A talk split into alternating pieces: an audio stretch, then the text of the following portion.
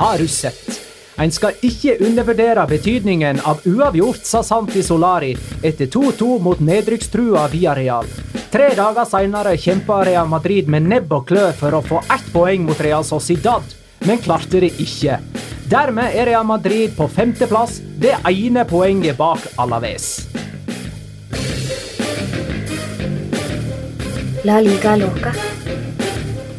En litt gærnere fotball. Ja, ja, ja, ja. Barcelona skaffa seg ei luke på fem poeng i toppen. Det er like mange poeng som det Real Madrid avgir i to kamper mot nedrykkstrua lag. Sevilla og Atletico avgir poeng mot hverandre, og ingen tar Alaves helt på alvor. Bortsett fra Valencia, som tar dem såpass på alvor at de kaster all innarbeida taktikk over bord i Vitoria. Det og mer til skal vi snakke om eh, i denne ukas La Liga Loca, som vel blir episode nummer 57. Den første i 2019. Med meg, Magna Kvalvik, hei. Og deg, Petter Wæland, hei. Talkum solarium. Og deg, Jonas Giæver. Nei, pokker, han har blitt eh, sjuk og kan ikke være med, dessverre. Hvem skal da levere hasardiøse spådommer og rants om ting som ingen egentlig bryr seg om? Nei, vi får se hvor uh, tam og kjedelig denne episoden blir før en av oss må trå til. Hatt ei fin nyttårsfeiring og julefeiring, for ikke, ikke minst. Ja. Um, litt, litt småkjedelig når det ikke er spansk fotball, da. Men ehm, en god nummer to med Premier League. Og nummer tre med Serie A, Ja, kanskje. Absolutt. Cristiano Ronaldo som eh, nesten nådde 50. Stoppa på 49 mål i Ja, kalenderåret. for eh, kalenderåret. Hvor mange endte Messi med? Over 50, iallfall. 51 var det vel. Den er grei. Uh, I tillegg til det nevnte, så skal vi også snakke litt Vi må nesten spekulere litt i overganger, nå som eh, det der greien er i gang. Ja, jeg veit at du har veldig lyst, så Vi siden du insisterer ja, vi kommer ikke til å sette av et eget sånn eh, men vi kan ta det litt sånn underveis. Det første vi skal snakke om, er Real Madrid, Real Sociedad 0-2. William José skåra på straffe allerede i det tredje minuttet. Eh, Pardo fastsatte resultatet til 2-0 sånn cirka i det 82., var det? Ja, 83. Ja. Eh, Real Sociedad sin første seier på Santiago Bernabeu siden 2004. Eh, Da spilte Solari. Det gjorde han. ut i ettertid. Ja. Eh, og eh, skal vi se Sol, eh, Ja, Solari skrøt jo veldig av eh, at eh, Real Madrid hadde klatra fra niende til fjerdeplass under hans eh, ledelse. Eh, men de var sju poeng bak Barcelona da han tok over. Nå er de ti poeng bak Barcelona. Eh, Gaute Brandser spør har Solari fått sparken ennå, og når tar Solskjær over? Ja, ikke sant? Ja, det hadde tatt seg ut. Eh, nei, men bare sånn La oss leke med tanken, da. Altså, Manchester United har ansatt en nordmann.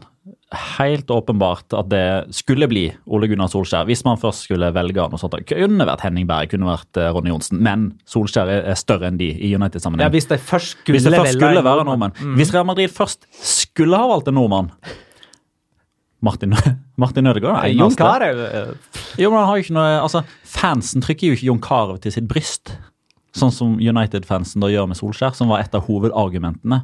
Hvis en nordmann skulle inn og bringe ro i rekkene i Real Madrid Dan Eggen. Dan Eggen. Ingen misliker Dan Eggen, sjøl ikke i Real Madrid. Nei. Eller i Madrid, da. Ja, ikke sant? Og, ja. For de kjemper jo mot nettopp Alaves òg, om å ta Ja, ja. fjerdeplassen, så da har vi en Han kjenner jo story i tillegg. ut og inn. Ja. Nei, men da, Dan Eggen, det blir deg. Men eh, altså, hvor lenge kan det holde på?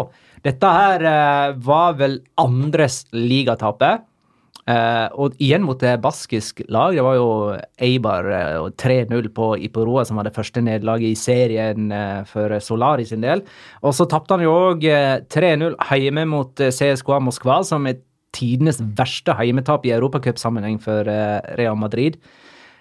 Og selv om enkelte resultater har altså Resultatet har jo totalt sett vært bedre, tross alt, under Solari enn Lopetegi, men vi ser jo ikke spillemessig framgang. Nei. Ser ikke en plan. Nei, Det gjorde man under Loppetegi. Og hvor lenge er man tålmodig der? Altså, eh, nå signerte de jo kontrakt til 2021, eh, men vi har jo snakka litt om det tidligere. Det er vel mer bare en sånn en gest, mer enn at de eh, vil og tror og håper at Solaris skal sitte så lenge. Eller selvfølgelig håper de det, for hvis han sitter så lenge, så betyr det at han har gjort det bra. Eh, men eh, det er vel mer sånn for å få arbeidsro, for å snakke med andre trenere inn mot neste sommer, har vel vi konkludert med litt tidligere. I hvert fall åpne opp muligheten for det. Og når resultatene er så dårlige som de er, når framgangen er ikke-eksisterende, og i tillegg han fikk, han fikk veldig mye tyn for nettopp det du nevnte der, med at han trakk fram sjøl at de hadde klatra fra niendeplass til fjerdeplass. Altså, det, det, er nesten som at man skal eh, gi ros til en unge som har klart å pakke inn en julegave, men på veien dit så har han ødelagt 14 andre presanger.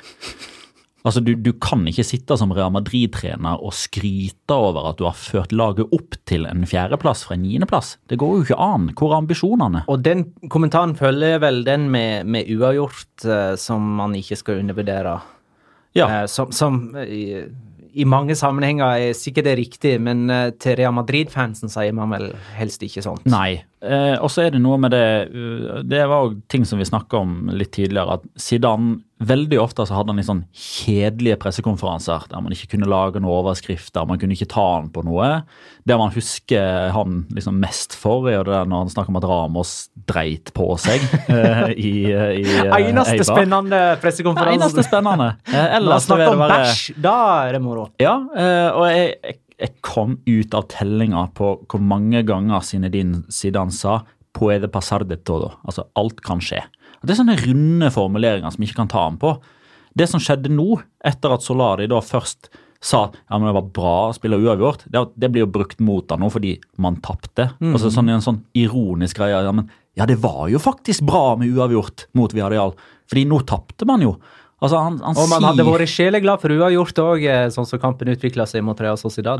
Ja, ja, definitivt. Og kanskje skulle man òg hatt det, hvis de, hvis de hadde fått det straffesparket. Vi kan komme litt mer inn på det kon konkret tema etterpå, da. Men nå, nå føler jeg at Altså, jeg, jeg tror det fortsatt skal en del til for at Real Madrid sparker eh, Santiago Solari på nåværende tidspunkt. Eh, Jeg tror det gir han litt mer tid til å, eh, til å forsøke å, å rette på ting.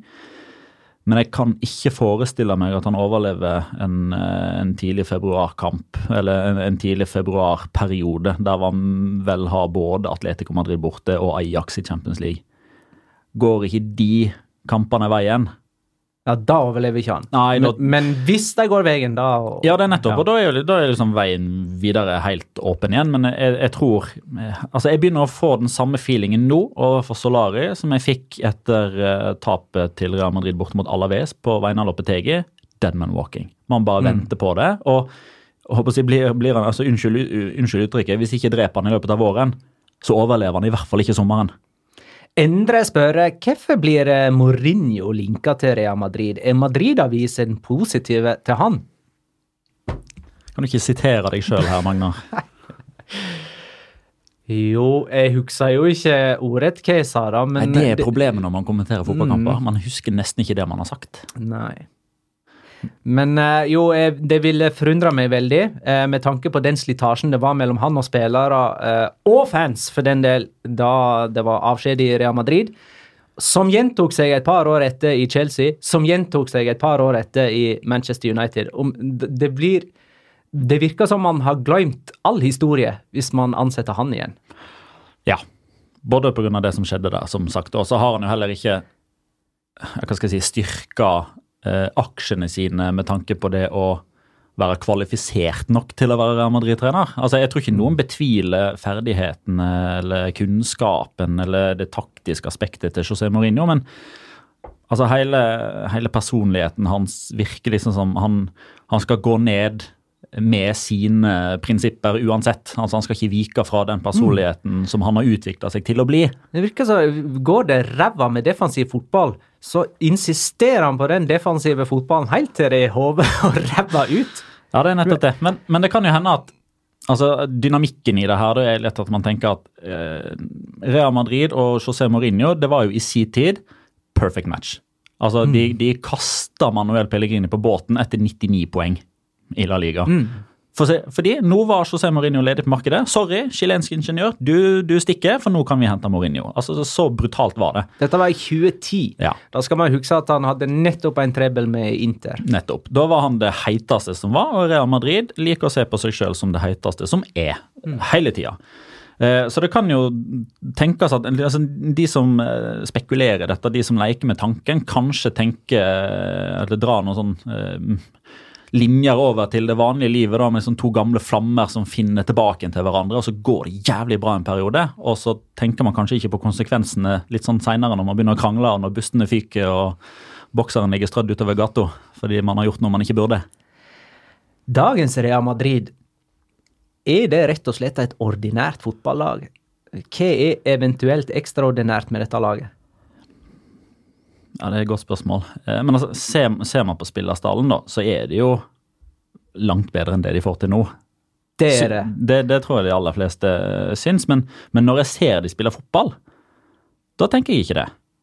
Men allikevel, da ser det liksom Real Madrid, altså, både som klubb og alle de spillerne som er der, de har jo et Altså, de har, et, de har jo selvfølgelig et minstenivå, de òg, men det er såpass lavt at det allikevel er godt nok til at de Men det er såpass høyt, mener du? ja, at de det er såpass høyt, og at de, altså, de, det er vel bare to kamper denne sesongen at motstanderen har skutt mer mot mål Å, ja. enn en Real Madrid. Altså, altså, hvis, dette snakker vi veldig mye om i september-oktober, rundt kampene mot CSKA Moskva, Levante, uh, Alaves typ. Dette er kamper de normalt sett vinner ni av ti, og vinner de de kampene, så snakker man ikke om at det er en dårlig prestasjon.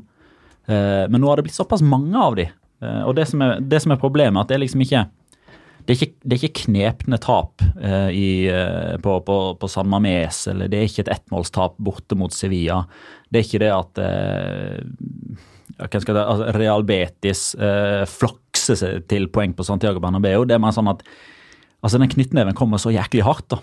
Altså Det er tremålstap mot Sevilla, det er tremålstap mot CSKA Moskva. Det første tapet mot Real Sociedad på 15 år, det er første bortetap mot Alaves på 60 år. Eh, Det er det andre tapet mot Levante eh, på, på hjemmebane noensinne. Det er det største tapet mot Sevilla på, på, på 30 år. Første tap mot Eibar noensinne. Noensinne, med tre mål!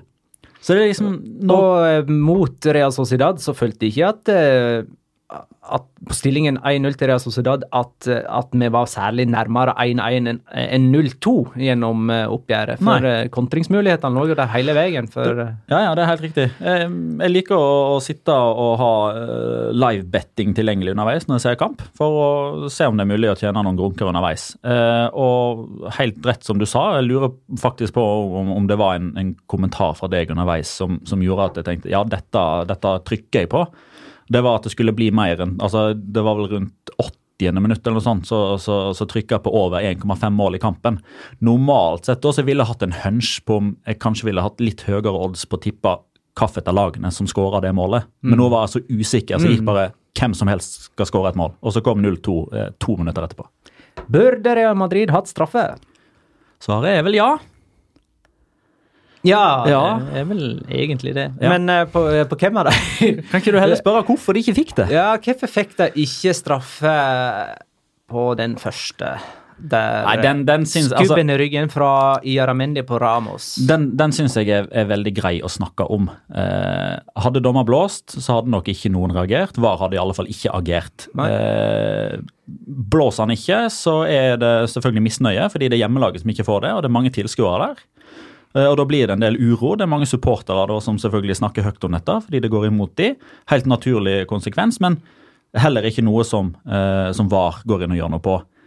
Den andre derimot jeg, altså, jeg har prøvd å tenke på eh, rasjonelle årsaker til at, at man ikke gjorde det. Og jeg, her har jeg rett og slett bare havna Her har jeg havna ned på at Monoeda Montero, som var dommer, føler seg så sikker på at han har vurdert situasjonen riktig, at han rett og slett bare ikke ønsker å se den på monitor.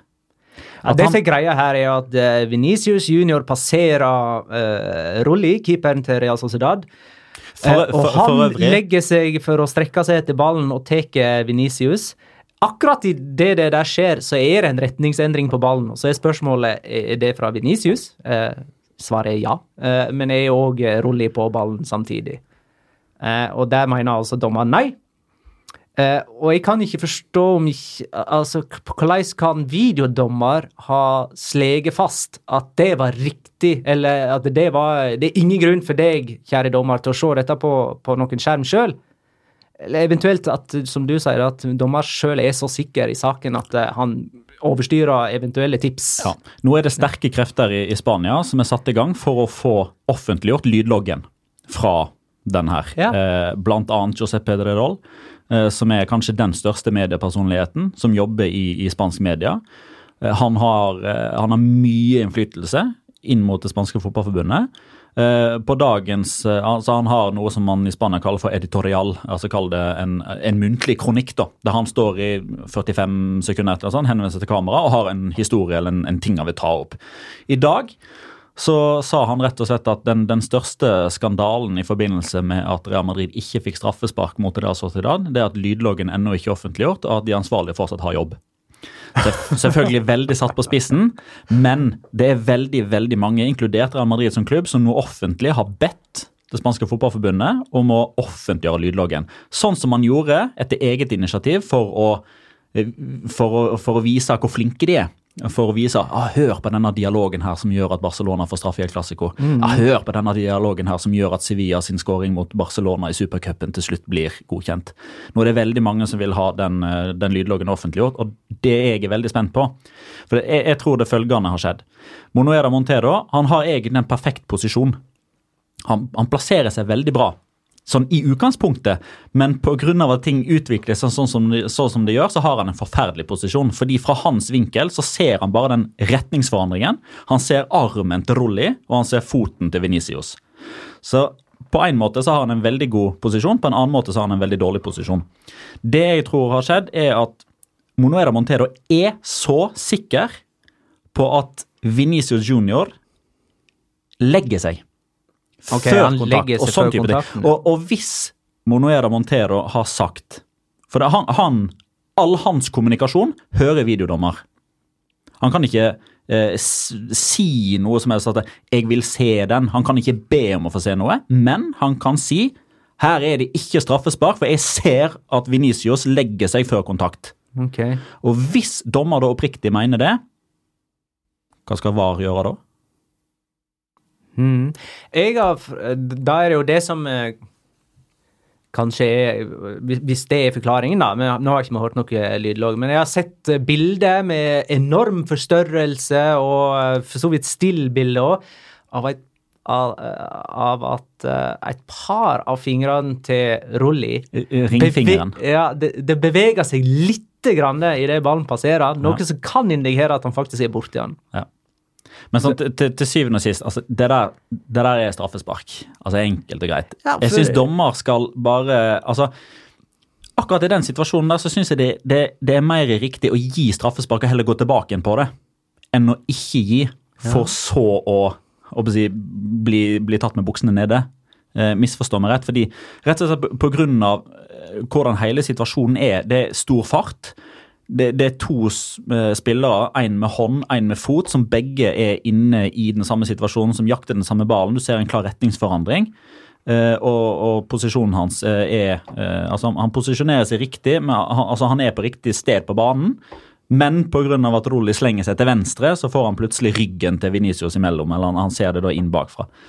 Da, eh, da er man jo til syvende og sist nede på at man, man får kontroverser uansett. Fordi Enten så er dette her en fryktelig dårlig dommeravgjørelse, og en dommer som ikke tar i bruk et hjelpemiddel som er der for at han skal få hjelp.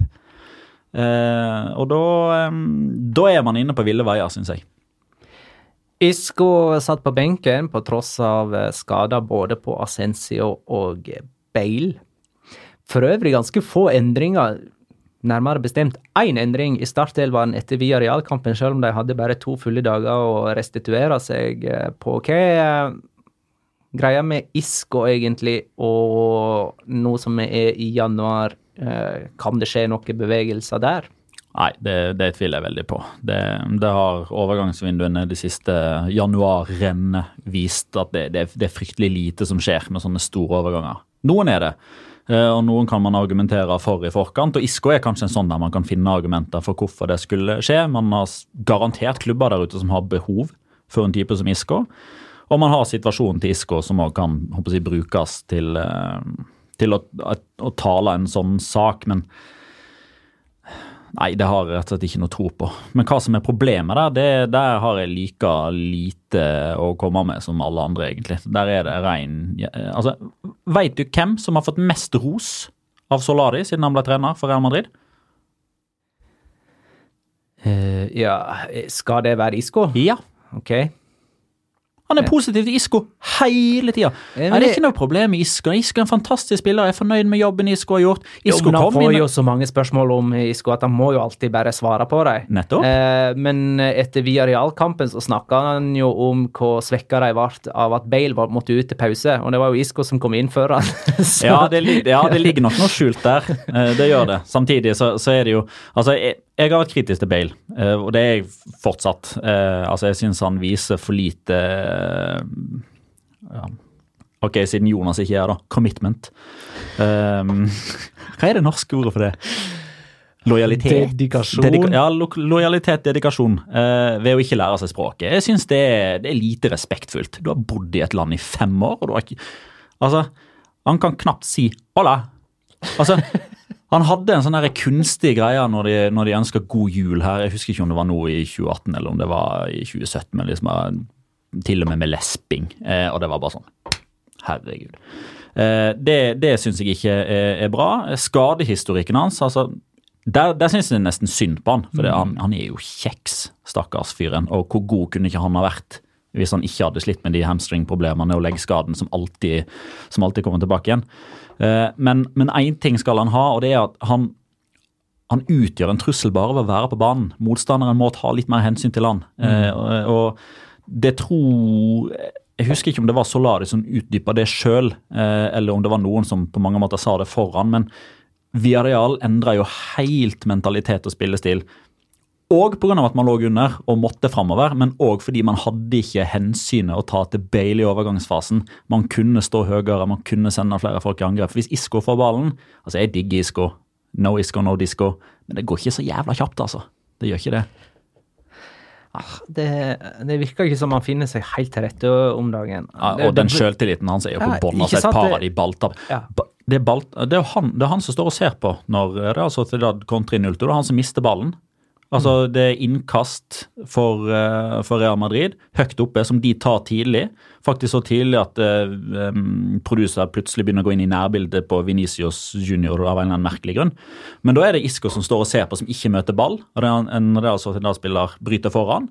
15 sekunder etterpå så ser du Isco liksom heseblesende returløp og når ikke fram. Og Robben Pardo header inn 0-2. Sivert van Morik spør jeg. Han har et todelt spørsmål. Hvorfor spilte Rulli? Det var fordi at Moya var skada. Og hvorfor spilte han så bra? Og nå skulle vi hatt Jonas her. eh, Ja, jeg hadde lyst til å bryte litt inn i stad når, du når du nevnte Venicius og Rulli. Eh, at det, var liksom, det er de to som er involvert i den store snakkisen i begynnelsen av 2019. Altså, Jeg har hatt mitt med fenomenet Venicius, og favorittkeeperen til Jonas vet vi jo alle er Geronimo Rolli. Altså, Hadde Jonas vært her, så hadde Rolli fått skyldig for baklengsmålet til Real Madrid. ja. nei, men Han spilte jo eh, megakamp, eh, Ja. og, og framsto jo sånn som han på en måte, som vi trodde han skulle være eh, da han eh, etablerte seg i målet til Real Sociedad for noen år siden. Helt enormt med gode keeperprestasjoner i La Liga denne her runden. her. Helt enormt. Mange helt sånn Altså, absurde redninger. Strafferedninger til Dmitrijevskij fra Rayo Vallecano. Og har hatt et par andre til deg. Asenjo hadde åtte-ni solide redninger. Oblak Altså, den, Den redninga han har på det skuddet til André Silva, den er helt ekstrem. Thomas Watslik sto eh, kjempebra. Og Riesko sin for Eibar Ja. mot uh, Ja. Gerard Moreno der fra femmeter. Ja, han, han, jeg fikk litt sånn flashback til Iker Casillas mot Sevilla. Ja. Det gjorde jeg òg. Det samme hadde uh, Valladolid-keeper. Ja, Jordi Masip. Helt på Mm. slutten der. Ja, det var mange eh, strålende redninger. Nå har vi svidd av eh, den ene av to mulige lokorer for min del, da. Mm. Da skal vi ikke ta den andre, da. Nei, prøv, prøv å unngå det. Um, nei, men eh, Real Sociedad var bra. Eh, Diego Llorente syns det var strålende. Eh, det, er f- og Iaramendi som er tilbake på Santiago Bernabeu. Det er flere her som løfter seg under ny trener Algo Alguacil. Det virker som de trives bedre. Er altså, bedre nå enn under eh, Garitano. Jeg hørte jo rykte om at uh, noen av spillerne ville ha han ut, rett og slett. Soro Tosa, for, For eksempel. eksempel. Ja. Eh, Kanskje Iaramendi òg, men eh, dette, vet, dette har ikke jeg innsideinfo info på. Men eh, i alle fall så var det mange av de nøkkelspillerne som hadde mye å gå på under Garitano, som løfta seg nå. Ja. Eh, for øvrig 53 000 tilskuere på Santiago Bernabeu. Et, Nest laveste. ja, men Dette jeg- årtusen, eller dette år, dette tiåret. Og det er fire heimekamper på rad uten å nå 60 000 eller noe, Ja. tror jeg. Ja. Det er Og eh, ja, der kan man trekke inn salget av Cristiano Ronaldo. Det er 20 000 Eh, med Zinedine Cristiano. Ronaldo-bakgrunn på iPhonen sin. det. Og mangelen rett og slett på X-faktor, for det skulle jo på en måte Bale ha. Men, Men man veit hvem man får av Bale. Det er to kamper, og så skade. Ja, det er det.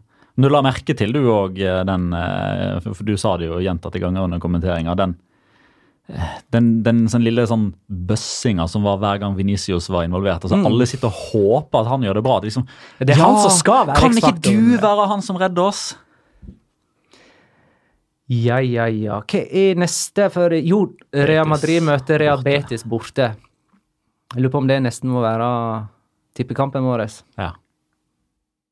Ja, men all right! Skal vi ta det med en gang, da? eller? Tippinga? Skal vi gjøre det? Uh, skal vi prøve å få kontakt med eh, Jonas på eh, Messenger? Ja. Da skriver du Han pleier å være der. Da skriver du bare eh, Resultat Real, Be nei, Real Betis Real Madrid. Resultat og første målskårer. Kjør! Ja. Og uansett hva han skriver tilbake, så svarer du Sjukehus! Kjør, da! Jonas er på jobb! Eh, det er sånn i tippingen at vi hadde Leganes Sevilla i forrige kamp. altså Det var siste serierunde før jul. Petter klarte selvfølgelig å tippe 1-1 med Nabil Elsar som første, målskårer. Det gir tre poeng. Ja. Opp på 13. Oi da. Ulykke. Hmm? Ulykke. Veldig, og det er Magnar, altså jeg, hadde 1-2. Eh, Med Ben Jedder som første målskårer. Han var jo dessverre da bare den andre, så eh, jeg står fortsatt på åtte poeng. Jordas hadde òg Sevilla-seier med 0-1, og André Silva som første målskårer. Eh, står, han, òg står på åtte poeng. Hvem var første målskårer igjen? Det var Leganes som tok ledelsen. Ja, Mikael. Beska. Ja, han var det. Og ser jeg for øvrig Vi er fortsatt sånn bitte, bitte, bitte litt inne på Real Madrid. Så Tony Cross òg ute med skade nå. En eh, muskelskade, grad to. Det blir brått tre-fire uker, det. Ja vel? Ja. For han ble bytta ut, han, både mot Villarreal og eh, Real Sociedad. Mm. Skal du få tippa først, eller på eh, Det skal du. Real Betis, Real Madrid. Dette er en helt åpen kamp. Helt åpen. Ja, det Dette her er kan gå alle veier. åpent. Ehm, 2-2. Nei! Skulle du ha det? Ja. Ja, du, du kan jo ta det. Jeg må jo nesten det. Ja, men du må jo det. Altså, den var spontan. Så jeg tror på deg at du Jeg skulle hadde ha 2-2. allerede skrevet det ned. Ok, Men uh, ta Men- første målskårer først du, da, sånn at jeg ikke stjeler din. Ja, Eller nei, det, vi sier det på likt. Sånn 1, 2, 3. ja, Er du klar? ja. Det er ikke jeg. uh, um, ok. Én, to, tre. Lo Bartra. Celso. Be, begge tror at Betis tar ledelsen, da. Ja. Du har ikke fått svar ifra Jonaso. Nei, jeg, fikk jo, god tid, han nå. jeg skrev jo eh, klokka 17.03 så skrev jeg òg sånn 'send tippetips' på Messenger. Ja, Smilefjes. det, ja. Jeg har heller ikke fått svar på. Kan hende han sover. Eh, OK, vi skal snakke om eh, Hvis, hvis han ikke svarer, så blir det automatisk 0-0. Ja, ok. hans tips. Det er greit. Uh, han har dessverre ingen Tobias her til å tippe for seg. Det hadde jo vært gull for. Skal vi sende, skal vi sende melding til Tobias? Gjør det. Ja, ok. Ok, og så snakker vi om eh, Getafe Barcelona om bitte litt. Getafe Barcelona 1-2. Lionel Messi førte Barcelona i ledelsen. Uh, Luis Suárez med en herlig volley dobla ledelsen før pause. Jaime Mata reduserte i andre omgang for Getafe. Og bomma på Nei, det var rett før pause, det òg, faktisk. Jaime Mata bomma på åpent mål i andre omgang, han. Hjelpe meg. Men den ble jo eh, avvinka, så Jo, men der bles de først etter at ballen var ute av spill. Så hvis ballen hadde gått i mål, og videodommer hadde sett at det ikke var offside, Jo, så det hadde det var- det blitt Var det det? Ja, var ikke det det? Nei, den var tvilsom. Men, men det ble uansett ikke mål, så Ja. det er ikke noen kontroversiell eh, avgjørelse. Barcelona med fem seire på rad i eh, serien, og møter nå Eibar, Leganes og Girona på de neste tre. Dessuten, i de to påfølgende etter det, så har de Valencia og Atletic Klubb. Eh, og hva som skjer med dem, vet vi ikke innen i- inn da. Nei, det Eller vi vet det først da, Ja. kanskje. Ja, nei, dette mm, Altså Jeg er helt på linja med f.eks. Lars Jernås, som ikke nødvendigvis skjønner Sånn som jeg har uh, tolka han, da, som ikke helt forstår dette føsset med terminlister og alt sånt, fordi alle skal møte alle 19 ganger 2. Uh, det, det er jeg for så vidt helt enig i, men akkurat nå så liker jeg ikke terminlista i La Liga. Akkurat nå så liker jeg den ikke. Eh, og det var så klink uavgjort mellom Sevilla og Atletico i går. Ja, dem der For- måtte bli det. På samme måte som at uh, Madrid-derbyet måtte ende uavgjort, og Valencia-Sevilla måtte ende uavgjort, og Alaves mot Sevilla måtte ende uavgjort. Valencia Atletico òg, vel?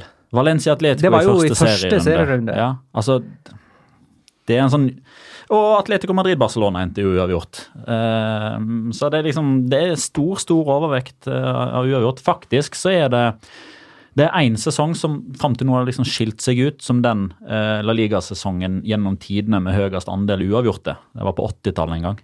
Eh, dette her er nummer to foreløpig. 18-19-sesongen. Høyest prosentandel uavgjorte kamper til nå. Den er sterk. Thomas Salvesen spør hva er årsaken til at Coutinho har havna ute i kulden hos Valverde. Er det pga. hans defensive egenskaper? Igjen. Ja, samtidig så har jo Dembélé våkna, da. Og jeg føler liksom at det er, det er en av de to. Det er ikke begge. Det er ikke plass til begge. I hvert fall ikke når både Messi og Suárez spiller i tillegg. Uh, og Coutinho ble jo henta inn uh, nærmest som en blanding av det som kunne være en ja, nei, Hvordan skal jeg si det, da? Altså en sånn, han var en type som kunne ta Neymar-rollen og eller Iniesta-rollen, og ser ut til å ha havna midt imellom der en plass. Passer egentlig ikke helt inn i noen Nei. av de rollene, og må egentlig finne en egen rolle og på en måte prøve å overbevise Valverde om at den rollen trenger Barcelona. Ja. Fordi at Arthur Melo var ikke med i Coutinhos kalkulering her, tror jeg, da han signerte. Det er jo han som er Iniesta. Ja, ja, ja. Uh, det på en måte så er det liksom veldig merkelig å se at Coutinho har liksom utretta så, så lite for Barcelona egentlig gjennom hele perioden, men, Men har han egentlig det, eller har han bare fått utretta så lite? Jeg mener, han ligger jo på sånn cirka et mål i annenhver kamp han starta. Det er omtrent samme som i Liverpool, og det var prestasjonene der som verdsatte han til 1,5 milliard i Barcelonas øyne. Ja, han har noen ting som han er fantastisk på. Deriblant så har han en skuddfot som er gull. Eh, men altså eh, Hvordan skal jeg si det her uten å virke anti-Coutinho, for det er jeg ikke. Men altså, et, et, i hvert fall tre av de eh, skåringene som gjør at snittet hans ser ganske ok ut fra start, er jo skåringer som ikke har gitt de noe som helst, og som er langskudd. Eh, altså igjen, misforstå meg rett, å ha en fyr som kan dunke ballen i mål fra 25 meter, det vil jo selvfølgelig alle lag ha. Og, og alle skåringer eh, teller jo i og for seg like mye. En, en goal er en goal, men, men jeg føler liksom det, det, det er ganske sjeldent at Coutinho er mannen som dukker opp når Barcelona trenger han. Jeg føler ikke at han tar eller har eller får det ansvaret som 150 millioner euro skulle tilsi at han burde få. Eh, og Så kan man legge litt av skylda på, på Valverde. Eh, og så kan man òg eh, forklare det med at eh, jeg syns Dembélé har i enda større grad tatt vare på sjansene. Han er foran i køen, tror jeg, når laget skal tas ut. Jeg syns òg at Toro Vidal har vokst veldig. Blitt eh, Paulinho-ish. Funker veldig bra sammen med Rakitic, uh, syns jeg, og har også begynt å utvikle et veldig godt samarbeid med Messi, i større grad enn Coutinho. Coutinho skjønte ikke hvordan Messi spilte fotball den første uh, tomånedersperioden. Husker vi snakka veldig mye om i, uh, i La Liga Loca på begynnelsen der. Um, og så er det liksom den jeg kaller det mismatchen da, mellom den måten Coutinho ønsker å spille fotball på, og den måten Valverde spiller på. Mm. Jeg mente jo når, når Barcelona jakta Coutinho sommeren 2017, og når de da til slutt fikk han i januar 2018, så titulerte jeg han som perfekt Barcelona-kjøp. Mm. Men Ernesto Valverde er ikke en perfekt Barcelona-trener hvis man tenker estetikk og vinner med stil og det man da vet at Barcelona-supporterne ønsker og er vant til og har blitt så bortskjemt at de skal få lov til å mene det. Eh, så, men, men, jeg ser jo altså de, Vi begynner å gå inn i eh, det siste halve året med Valverde som Barcelona-trener. Ja, du mener det? Ja, ja, ja. Eh, det er det flere som spør om, ser du. Ja, men det han, han, hadde et intervju på Barca TV, et intervju med klubbens offisielle TV-kanal, der han ble spurt om framtida. Jeg syns det er litt rart at et åpent spørsmål blir stilt på den måten til, til klubbens trener, men eh, for så vidt litt, litt friskt òg, fordi da kan man få svar som Eksempelvis det Ernesto Valverde tar. og Det var, var, veldig ullent, veldig sånn diffust. Type. Ja, Det var ikke litt sånn 'hvem veit'? Ja, hvem, hvem veit hva som skjer etter sommeren. Mm. Eh, så, jeg, så jeg tror at han Altså, Han merker jo selvfølgelig at omgivelsene krever mer av Barcelona enn det Valverde sitt Barcelona klarer å gi. Det de gir, er fortsatt veldig bra. Det er seriegull med klar margin forrige sesong. Etter at de mista Neymar. Real Madrid var soleklare favoritter i forkant av sesongen. De tapte én kamp, og det var runde 37. Mm. Fantastisk sesong, men allikevel så blir han bua på når han gjør bytter, nesten uansett hvem han tar ut og hvem han setter inn. Eh, så jeg, jeg, tror han, eh, jeg, tror han, kjenner litt på det. Jeg tror at han, han, kom, han kommer til å reise derfor som en vinner uansett. Eh, mm. De er soleklare favoritter til å vinne La Liga for andre sesong på rad nå. Nesten, nesten, nesten uansett hvordan det går i Champions League nå, så kommer han til å reise derfra med hodet heva. Hmm. Okay. Eh, jeg tenkte jeg skulle bare nett svare på Thomas Salvesen, Salvesens spørsmål del to. Er det pga. Continuos defensive egenskaper at han blir ikke foretrekk framfor Dembélé. Og jeg syns kanskje svaret ga seg i den 3-5-2-kampen mot uh, Levante, der uh, Dembélé fikk spille wingback på høyresida. Det, det føler jeg er svaret på det spørsmålet. Ja, og hvis Dembélé blir regna som bedre defensivt ja, da, da er ikke, ikke stjerna høy eh, for Coutinho i, i, med tanke på det defensive. Hvordan er det med Rabiot? Skal han til Barcelona, og skal det skje større ting i løpet av januar? Eller eh, flere ting? Det virker som svaret er ja og nei. Ja. Rabiot allerede nå i januar? Eller? Nei, sannsynligvis til sommeren. Ja. Men uh, det er klart, nå har de jo tre uker på seg til å forløse en situasjon som for øyeblikket ser ut til å være at, eh, at Barcelona signerer Rabiot gratis til sommeren. Eh, men Rabiot vil jo da vite at den spilletida han får i løpet av året nå Han er kravstor, altså? Ja. den er veldig jeg, jeg, tror kanskje PSG kommer til å se på Rabiot som et potensielt jævlig råttent eple med mor på slep. Eh, og Kanskje kan Rabiot og hans mor si fra seg litt sånn sign on fee for å kunne plusse på eventuell, et eventuelt bud som kan løse en situasjon til det beste for alle parter, med at PSG får litt penger, Barcelona får eh, midtbanespiller, Rabiot får overgangen han ønsker. Jeg utelukker det ikke, men Og ikke noe større aktivitet utover det, sannsynligvis? Nei, de har jo henta Jason Morillo, så stjernekvota er jo brukt opp nå. Ja, han er henta på lån fra Valencia. Sevilla, Atletico Madrid 1-1. Ben Jedder sendte Sevilla i ledelsen. Antoine Griezmann utligna på et lekkert eh, frispark. Uavgjort er jo eh, isolert sett et greit resultat sånn mot hverandre. Problemet er at begge disse lagene, spesielt Atletico, hadde brukt opp uavgjort-kvota si lenge før denne kampen. Nå er jo Atletico oppe i åtte uavgjort og er fem poeng bak Barcelona. Men denne kampen her skreik jo uavgjort fra mm. lenge før avspark. Den gjorde det. Sevilla som nesten aldri taper på hjemmebane. Atletico som nesten aldri taper generelt. Og, Se Eh, ja, og Sevilla har jo fire uavgjort på de siste fem Ja. seriekampene nå. Ja. Og ja, som vi var inne på i stad det Altså, Barcelona leder La Liga fortjent. Eh, hver 100 eh, jeg, forsikra om at jeg mener det. Men avstanden er litt større enn den kanskje burde ha vært. Og det er først og fremst pga. at når lagene møter hverandre, så altså de snubler i hverandre. Eh, altså, ja, Barcelona har fått noen Steven Bradbury-poeng. De har vunnet kamper de ikke har spilt ved flere anledninger. Og det er vel først og fremst Atletico, sånn som det ser ut nå, som på en måte har misbrukt sjansen, eller sjansene sine, til å være Ja. helt oppi ryggen. For Sevilla har jo på en måte ligget der. De, dette er jo ikke Sevilla overpresterer ikke. De ligger og underpresterer for så vidt eh, heller ikke. Så de ligger mer eller mindre der eh, de kan håpe å være sånn noenlunde tilfreds med, mens Atletico føler jeg de kunne tatt større ansvar her. altså. Ja. Noen lar seg irritere over LeMar i Atletico og mener han ikke leverer. Var det 70 millioner euro han kom for? Ja. Da har ikke de et sånn kinesisk konsortium som kan kjøpe han og så gi tilbake Gaitan eller eh, Carasco? Carasco. ja, spørs om LeMar vil det, da. Nei, den beste Thomassen i Atletico, det er Party. Lekker skudd fra, på slutten der. Som Vatslik, vi nevnte ikke han i eh, Jo. redningsska... Gjorde vi det? Du jo var inne på han. Ja. Eh, jeg tenker Sevilla nå. Eh, de har Atletic. De har Atletic i neste runde. Veit ikke hvor hen de står. Og så har de Real Madrid i runden etter det. Eh, Sevilla skal møte Atletic tre ganger på seks dager, de nå. Ja, eh. Mm. Eh, så akkurat der, hva det er med Atletic, det vet vi ikke. For altså, der kan alt skje etter trenerbytte der òg. Ja, vi får aldri diskutert det heller, for de spiller mandag. Mm. Spiller i dag òg.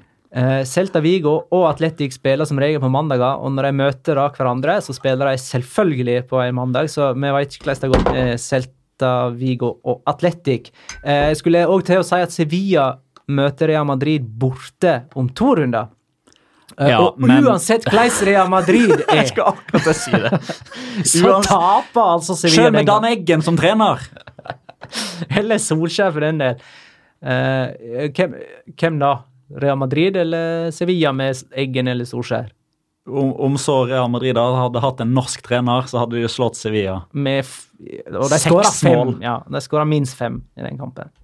Ben Yedder er nå i alle fall i form, da, med mål eller målgivende i siste fem seriekamper fra start. Det er fryktelig sterkt, altså. Mm. Ja, ja, er vi ferdig med deg, eller? Ja, For- skal vi ta to ord om at det er deilig å ha Matheo Lahors tilbake igjen i showmodus? Tolv gule! Fy faen. Så du trynet til Matheo Lars når han ga gult kort til Angel Correa for protest etter 13 minutter? Nei, det fikk jeg faktisk ikke med. Han var sånn tilfreds Sånn herlig Akkurat følelse som den, kunne den verste parkeringsvakten noensinne, når han endelig fikk skrive ut bota til det rasshølet som har dratt fra parkeringsplassen ett sekund før tida har gått ut, 14 dager på rad, fikk han endelig tatt han. Står med et sånn smil. Sevilla for øvrig, på overgangsmarkedet. Hva skjer der? Ja, der kommer det til å skje ting. Mm. det siste nå er jo at agenten til Morata har vært i møter på Ramón Sánchez Pitron i dag. Mm. Eh, jeg kan liksom ikke helt forstå at det er der det er et mest sånn pulserende behov. Men ja, nå har de jo leid ut Louise Moriel, så de må kanskje ha inn en til. Men De trenger en tredje spiss. ja, eh, og dette høres kanskje teit ut, men skal de ha inn en så stor profil som kommer til å kreve spilletid på bekostning av Benjedder og Silva? Og du veit hvem som ryker. Det er Benjedder. Helt us... Men eh, med et aldri så lite forbehold, et negativt sådan, med mindre det var en sånn mareritt-knegreie han Joris Nyanjo måtte gå av banen med et par minutter for å slutte, så han holdt seg til kneet og måtte gå ut. Med mindre det er en sånn menisk eh, korsbånd leddbånd-greie som gjør at sesongen ryker, la oss krysse fingrene for at det ikke er det, så har de kjøpt en ny stopper i han nå i januar. Han har jo ikke spilt noe som helst. Han debuterte i La Liga mot Leganes som innbytter. Det var i serierunde 17. Han starta nå og var banens gigant Og så måtte han ut med skade. ja, etter 88. Gikk og holdt seg til kneet. Det er aldri bra. Det er aldri bra. Nei, men ok, da ser vi hva som eh, skjer der med tid og stunder. En kamp vi er nødt til å snakke om, er Alaves Valencia 2-1.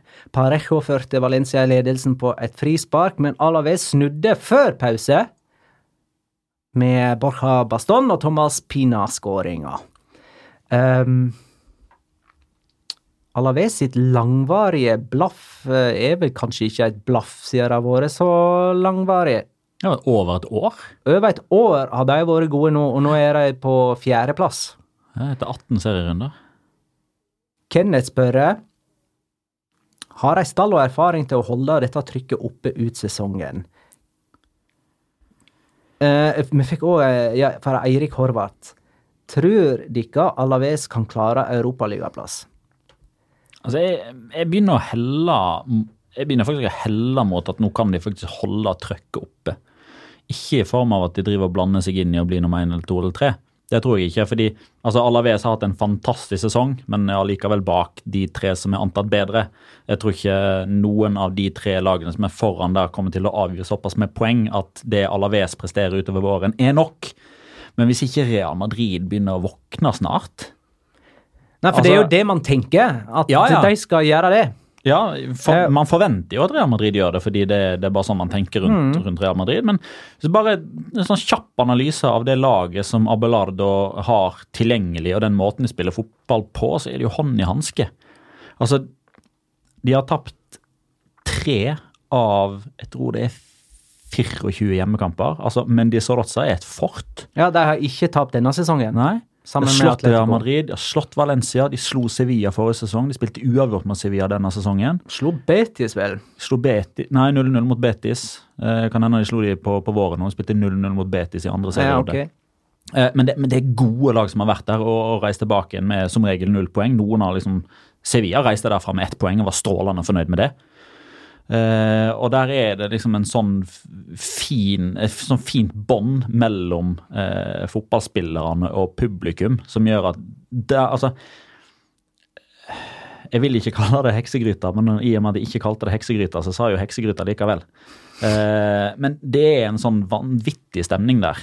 Til å være en sånn 20 22 000 stadion. Eh, og det ser ingen grunn til at ikke det skal fortsette. Også på bortebane så, så har de sånne spillertyper som gjør at så lenge Fernando Pacheco er god mellom stengene, og så lenge LaGuardia og Maripan er så gode stoppere som de er, Eh, Så lenge Johnny Rodriguez får lov til å fortsette å løpe i hundre og helvete, og Kaleri kjemper som en gladiator på topp der, så, så er de kapable til å ta poeng mot hvem som helst, altså.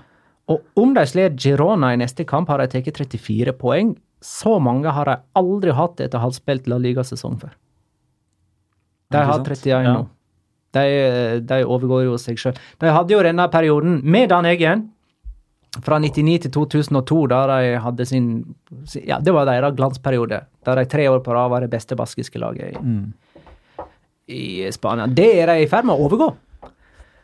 Valencia gikk jo ut i denne kampen her i en 5-3-2, eventuelt 3-5-2-formasjon. Hva var det for noe? Litt kanskje pga. skader og fravær, jeg veit ikke. eh, men det så jo mest ut som en respekt for motstanderen. Eh, du nevnte jo spissene deres som er hodesterke, og det er masse innlegg fra Alaves. Eh, sånn at eh, der skulle nok eh, Ja, det var Garay, Paulista og Diakabi som skulle vinne dueller der inne. Og så slapp de inn på to dødballer, eller to cornerer. Ja, og det er liksom ikke Det var heller ikke sånne skåringer der det kommer en Supermann flygende inn og bare knuser alt og alle i en luftduell, og der hadde liksom ingen klart å stoppe skåringa uansett. Det, Ballen datt ned, var i bakken i feltet, og fikk ikke ja. klarert. og eh, Eirik Strøm Pedersen spør jeg nå, eller sier det brenner under føttene på Marcellino. Det lukter vel egentlig at våra tar over i, eh, Igjen. resten av sesongen. ja. Er det Om- 14. sesongen på rad at han er inne? Han må jo være uh, supervikar eh, nummer én. Eh, men eh, hvem burde eventuelt eh, Barcelona prøve Nei, Valencia, mener jeg, prøve seg på eh, som erstatter for Marcellino, Marcelino om det skulle skje. Altså, Mourinho? Mourinho. Jorge Mendes har jo vært inne i Valencia. Mm. Årets agent, var ikke det det han Ja, var? fikk prisen av Cristiano Ronaldo. Har du sett noe så jævlig? Uh, men jeg har sett uh, Jeg vet ikke om jeg hold det er i det, men navn som Rodi Garcia, Shardim Dette er jo tilgjengelige folk. De kan ikke hyre noen som har trent La Liga-lag denne sesongen. Det er ikke lov. Den regelen kjenner sikkert de fleste nå. Hadde du ansatt Loppetegi hvis du kunne? Nei, det hadde jeg ikke. Så og, og heller ikke Ja ja, Berizzo. Så gi han en ny sjanse. ja, det kan ikke bli han heller. Nei. Uh, men uh, Shardim syns jo det høres spennende ut, det, da. Kan, kan vente til april kommer, da. Da er vel Leeds såpass slitne at de ikke kan rykke opp lenger. Så er Bjelsa ledig. Mm. Åh. Fin uh, match. Valencia-Bielsa, det hadde gjort seg. Men hvor lenge gjelder han? Marcelino Nå er vi tilbake på han. Eh, nei, så Nå er det første gangen eh, Altså nå, nå er det første gangen at alarmbjellene ringer. Eh, nå er det sterke Ja, begrensa hvor sterk innflytelse de har, da. Men, men de som blir ansett som de, de beste og mest troverdige, og de som, som skriver og snakker med mest tyngde i pressen i Valencia, da. Eh, Gomez, generalen. For første gang nå, etter at Alaves-tapet var et faktum, så, så var han liksom offentlig kritisk og mente at problemet blir ikke løst med mindre problemet blir fjerna og problemet befinner seg på benken. Eh, og man skal selvfølgelig aldri vektlegge noe sånt, fordi det Altså en, en, handla òg ut en avstemning der folk kunne eh, svare ja eller nei på om Marcelino skulle få fyken. Det skal man selvfølgelig aldri ta for god fisk, spesielt ikke når det kommer etter et resultat som er veldig negativt. Da er fansen negativt innstilt, og da trykker de ja, han skal få fyken før de egentlig tenker seg om. Ja, det er, man svarer i affekt. Man gjør det, men allikevel så er det Jeg lurer på om det var mellom 75 og 80% som mente ja. Eh, Det er jo selvfølgelig ikke noe argument i seg selv, men det er jo heller ikke altså det er jo ikke noe som er bra for Marcelino heller. Og jeg la merke til en ting, eh, at eh, når Valencia la ut en sånn nyttårshilsen på, på hjemmesida, og dermed også på Twitter og Instagram og osv. Der Jeg klarte ikke å gjenkjenne alle som var der, men i alle fall Marcelino. Og han tok òg ordet og sto og skålte med champagneglass. Og det han ba om i 2019 og Jeg tror han begynte med noe av det vanlige, altså god helse og krig og fred og sånn. Men så det, det første og liksom relevante ordet han brukte, var positivitet. Han ba om positivitet. Og så sikkert sånn kompromiss og travers og et eller annet. Men jeg, jeg beit meg veldig merke i det ordet positividad. Og jeg tror det er noe som brått blir oppfatta av Valencia-pressen som et stikk til de. Og det er klart at når det første som skjer etter det, er at man taper mot Alaves. Man går vekk fra alle prinsipper man sjøl har hatt. Altså Marcelino er den største 4-4-2-mannen i Spania. Altså du, Han har vært La Liga-trener og tatt 300 kamper nå. Kanskje én eller to ganger har han ikke starta med 4-4-2. Jeg mener Valencia-supporter Hans Christian Lange hadde gått gjennom noen lagoppstillinger og aldri funnet Ja, Det var vel ikke tilbake til 2010 eller noe sånt. Han har Ja. ikke funnet en eneste gang han hadde spilt med trebackslinja. Mm. Det er klart at når når det er det første som skjer, etter at Marcelino da, sånn som jeg tolker det, det er min tolkning, det er ikke sikkert det var sånn, men jeg tolker det som et lite stikk. sånn, Ikke skriv så mye dritt, vær litt mer positive. Mm. Så kommer dette her. Og da kommer svaret på tiltale fra Hector Gomez. Bang! Nå må Loppeteg... Nei, Loppetegi. Nå skal, nå skal han få fyken der òg. Nå, må Marceline bort. Eh, og de andre journalistene som òg Blant de som ikke nødvendigvis snakker i store bokstaver, for det gjør eh, han generalen ganske ofte. Han han er litt sånn populist og vil være først ute og kanskje av og til litt rask på avtrykkeren. Men de som har en deadline å forholde seg til, som skriver saker som skal i morgendagens avis, som er litt mer gjennomtenkte, og sånn, de skriver òg at Anil Murtis, som er Valencia-president, nå ikke lenger er liksom som helt totalt avvisende til at Marcelino er problemet.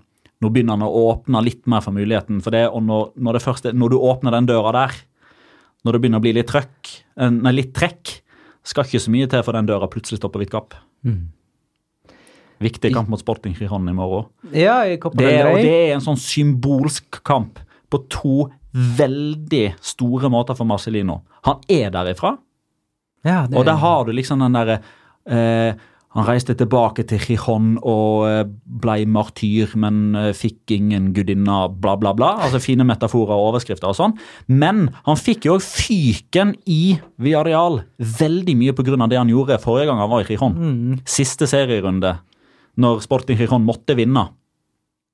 Villarreal var nummer seks uansett. Han stilte kraftig redusert, tapte kampen. Fikk så huden flagra, det var kanskje håret som flagra, eh, av presidenten i Retafe og, og de andre lagene som var involvert i, i nedrykksstriden, og spesielt de som rykka ned. Mm, Og blant annet fordi at han kom med kommentarer før kampen som egentlig antyder at eh, han var ikke særlig motivert for å vinne den med Villarreal. Nei, og fruen eh, posta på Instagram etter kampen ja, reiste vi tilbake igjen til Gijon, og ja, oppgaven er fullført, og Sporting holdt seg, og, uh, og så fikk han fyken to måneder etterpå, eh, blant annet av det. Så det ligger veldig mye symbolikk i at Valencia sin neste kamp er mot Sporting Gijon i Gijon. Så har de Valladolid hjemme i serien til helga. Eh, Det er en typisk tap rett, å få ja, fyken-kamp. rett ut. Ja. Eh, altså, tenk på de hvite tørklærne som kommer til å flagre der hvis ikke det går veien. Og ikke nok med at han eh, spilte denne 5-3-2-formasjonen. Det var jo mange spillere som var ute av posisjonen her. Eh, Spilte jo med to vinger som indreløpere i en periode, med Cheryshev ja, og Ferran Torres. Torres. Mm. Og plutselig så var både Rodrigo og Santimina og Batshuayi Ja, på og banen. da, for, sant, nei, da var det Rodrigo Moreno som ble satt ned på midtbanen. Ja, det, det, det var mye som jeg ikke forsto i den kampen der. Greit, vi kan eh, ta eh, litt prat om resten av eh, runden. Eibar Viareal 0-0.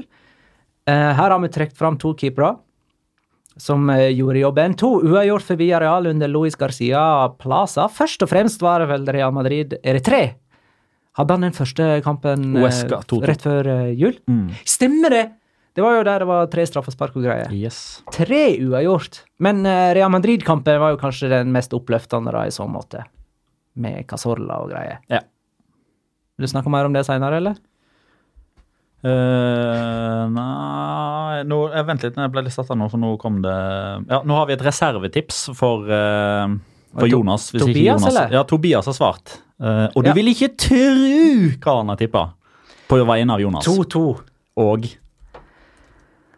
Ikke markbar. Ikke Los Celso. Jo. Nei, fy flate. Det står eh, svart på hvitt her, eller svart på grått. Visste det kom til å bli Ut av det blå. 2-2 Los Celso. Ja vel, da ble det sånn. Ja, Med mindre Jonas svarer sjøl, da, men han har fryktelig dårlig tid nå. Ja, da har han dårlig tid. Ja, ja. Eh, Uesca Real Betis 2-1. Uesca med historisk seier, deres første på heimebane i eh, La Liga. Snudde 0-1 til 2-1 i den mest typiske Betis-kampen man kan tenke seg. Akkurat idet de var i ferd med å sy sammen ei bra resultatrekke, så tapte de mot tabelljumboet. Og det etter å ha tatt ledelsen. Eh, Christian Rivera ble matchvinner her med en Suárez-type skåring. Vi har ikke snakka om målet til Suárez mot uh, Getafe. Rundens mål. Det var rundens mål, så Christian Viera kommer på andreplass der, Ja. spør du meg. Ja. Men eh, herlige volleyer. Valladolid Rayo Vallecano 0-1. To nyopprykka lag møttes, og det var forrige sesong Segunda-vinner som tok eh, tre poeng. Español Leganes 1-0. Etter seks strake tap vant endelig Español en seriekamp igjen, og endelig skåra Borja Iglesias! Vår lille favoritt. Etter halvannen måned uten nedkjenning. Ja. Det da er han oppe i ni. Ja. Ja, det er sterkt. da. Skal vi fortelle hvordan den skåringa var òg? Hadde tverrleggerskudd med skåring på returen til som målgivende, så hadde David Lopez sikra seg sesongens målgivende. Ja. Det er helt riktig. Fra 45 meter. Eller 48,9. Eller var det Å, ja. 49,8? Jeg mener det var sånn 43 det ble målt opp til. Nei, nei, 48 da. Mm. Han skjøt altså fra 48 meter, sånn cirka, i tverrlegger. Eh, og da er jo Cuellar eh, på vei inn i nettet og gjennom det og opp på tribunen. Og eh, Borja Iglesias header inn returen for åpen mål. Det er lite som slår den følelsen av å se Ivan Cuellar svømme i nettmaskene. Favoritt. En av dine mange favoritter i La Liga. Levante Girona 2-2. Levante lå under 1-2 med ti mann, men klarte likevel å komme tilbake og sikre 2-2. Begge disse lagene lå likt med Valencia før runden og skaffa seg et poengsforsprang hver, da. Celta Vigo og Atletic eh, den er ikke spilt når vi sitter i eh, studio. Det er to lag som har skifta trener og underprestert. Eh, Denne kampen er jo viktig i nedrykksstriden. Er Fernando Llorente snart Atletic-spiller igjen? Å, det hadde vært moro. Andre Skal ha hat trick i FA-cupen nå Ja. for Tottenham. Jeg vet ikke om det liksom gjør at Pochettino vil at han skal bli som en sånn superinnbytter. Men er han på- Utgående kontrakt òg. Ja. Det er Andre Herrera og Ibai Gomez og Mm. tidligere Og, der, og der òg har du litt sånn eh, Barcelona, PSG, Rabiot mulige scenario. Altså kanskje Atletic blar opp litt for å få de med en gang. Ja, ja. Penger har de jo nok av. Det Ja, tyter jo ut av det det. samme. Nei, men eh, skal vi si at det var runden, da? Ja. Kan vi snakke litt om runden spiller? Det er min tur. Jeg bare går i gang, jeg. Gjør det. Tradisjonen tru jinxer med spillere og lag over en lav sko her i La Liga Låka. Hyller med en spiller den ene veka er han ræva den neste. Disser med en spiller, storspiller han i påfølgende oppgjør.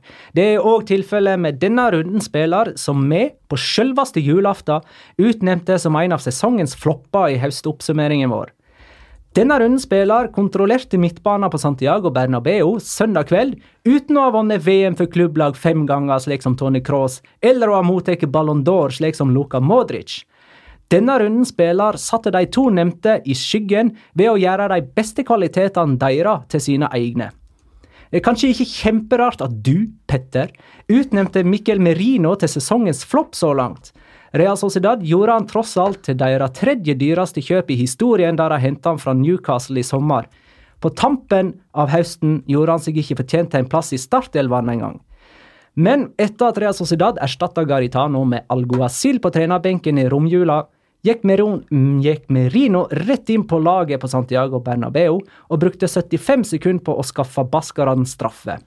I andre omgang ble Lucas Vaske så lei av Merinos kontroll på midtbanen at han meia ned selv om han hadde gullkort fra før og fikk naturlig nok rett. Slik ble Merino nøkkelen i de to mest avgjørende situasjonene i Madrid. Han hadde regien på ledermålet og tok brodden av Real Madrid sin jakt på utligning, der de trengte alle elleve mann. Spør du meg, gjorde han seg fullt til kåring av rundens spiller denne helga, og så kan vi kalle dette et ledd i en slags heilgardering for det som kommer framover. Enten følger han opp denne kåringen med å fortsette storspillet, eller så følger han opp Petter sin, sitt floppstempel ved å bruke denne kåringen som en forbannelse, slik som de andre spillerne har kåra til rundens mann. Lykke til, Miquel Merino. Har du noe å tilføye for Santi Casorla for forrige serierunde, eller? Jeg mener Det var jo eh, Kampen mellom Villarreal og Real Madrid gikk torsdag, torsdag. Eh, altså ja, forrige uke. Men det var jo for runde 17, som vi egentlig ikke har fått snakka noe særlig om, for det var siste runde før jul. To mål altså på Santi Casorla Ja. etter et skadehelvete uten eh, like. Han uh, har en uh, halv tatovering fra underarmen ned på akillesen fordi han måtte ta en hudtransplantasjon. Nei, Det er jo fantastisk eh, historie. Eh, ikke nødvendigvis brukt i sånn positivt eh, ordelag, men eh, kall det ekstraordinær historie. Da. En fascinerende historie som ser ut til å få en lykkelig slutt. Som fort kunne fått en, eh, en mer negativ. Men eh, jeg vet ikke hva, I stedet for at jeg skal drive og eh, forsøke å få fram noe positivt eller noe logisk, eh, så bare gå inn på internett, Google, skriv Sid Low Santi Casola, og så leser dere den uh, toppsaken som kommer fra The Guardian, med overskrift 'Every time they sued me up, it's split again, more liquid'. Les den. uh, så får man uh, en god beskrivelse av hva han har vært igjennom, og hva det har betydd for han. Så en reportasje som jeg tror Marka lagde. Det var før han signerte for Villarreal, tror jeg. Om hvor positiv han alltid hadde vært gjennom dette skadehelvetet. Han virker jo som en, en fyr som aldri blir sur, han. Ja, han smiler jo konstant. Herlig type. Vanskelig å mislike, for ikke å si umulig. Lett å like. Lett å elske. Det er på tide med Locora! Ukens La Liga Locura. Locura. Locura. La Liga Locura. Jeg kan begynne, jeg. Uh, Jonas har ikke sendt en locora, bare sånn by the way. Nei. Uh, nei, men det er nok uh, kampen til Rolli på Santiago Bernabeu. uh, jeg hadde jo tenkt å nevne alle disse redningene som vi allerede har vært igjennom. Nevnte vi David Soria sin redning på skuddet fra Piquet fra Nei. fem meter? Vi gjorde ikke det. Nei, enda en praktredning. Men uh, Gareth Bale uh, Han ble skada mot Villarreal og måtte ut. Og hvis jeg har forstått marka riktig, da, så er det 14. gangen han blir bytta ut pga. skade i Real Madrid. Eh, og forstår jeg eh, transfermarkt riktig, så han mista 69 kamper pga. skade etter at han kom til Real Madrid. Og det inkluderer jo ikke de 14 han ble bytta ut i, for han starta jo de. Eh, så han er godt over to fulle sesonger nå. La Liga-sesonger, altså. Eh, med skadefravær for eh, Real Madrid. Eh, og det der vet jeg ikke om jeg har sett maken til. I alle fall ikke for spillere som liksom er helt der i ypperste toppklasse. Det er jo mange spillere som har vært skadeplaga gjennom en karriere. Men det må være ufattelig deprimerende. Eh, og som vi har vært inne på, vi har sympati med fyren. Eh, og så tror jeg kanskje at nå har jeg gitt han opp. Dessverre. Ja. Det kan jeg forstå. Eh, min locora er en fortsettelse av den locoraen som jeg hadde i den julespesialen vår. Thomas uh, Roncero har vært ute med jinxetommelen igjen. Nei, kødder du, eller? Vet du hva han tvitra i pausen av Real Madrid eh, Real Sociedad? At dette snur Real Madrid? Den beste på bane er Venicius. Eh, Ja, men det var han. Ja. Ja. Ja, beste på banen, kan man jo spørre seg, men for Real Madrid, i alle fall. Ja. Og hvem ble snytt for straff etter pause? Jo, jo, det var Venicius. alle han er positive til på Twitter, skjer det noe negativt med, enten med en gang, en måned etterpå eller tre år etterpå. Uansett om det er bilulykker eller om det er straffespark man eh, skulle fått, men ikke fikk. Thomas Annonsero. Det, ja. Han jinxer igjen. 2019. Ja, men eh, ok, det blir en artig føljetong der du skal overvåke han døra framover. Ja, har push-varsel på tweetsen hans. Vi har nevnt uh, kamper det er verdt å følge for neste runde, ikke med det? Uh, spesielt av Rea Betis Rea Madrid, som går søndag klokka 20.45. Barcelona møter Eibar heim, heime samme dag klokka 18.30. Jeg syns kanskje Atletic Klubb Sevilla enda tidligere den samme dagen, klokka 16.15, er òg en saftig kamp å nevne. Ja. Tror, Vi, er, tror vi er der. jeg. Gjett om, eh, eh, om skal Celta Vigo spille helgekamp? Celta Vigo Nei, de spiller på fredag. Ja, det gjør de! Mot Rayo. Ja, men, men Atletic får altså en søndagskamp. Ja, men da har de valgt det andre baskiske laget, da. Real Sociedad spiller på eh, De spiller søndag. Mandag- mandag. Mandag, mener jeg. ja. Mm, Stemmer det. Nei, men eh, det var hyggelig. Neste uke er helt sikkert eh, Jonas tilbake, det får vi tro. Eh, jeg vil òg takke for alle spørsmål og innspill som har gitt denne episoden innhold. Tusen takk for at du lytta, kjære lytter. Ha det, da.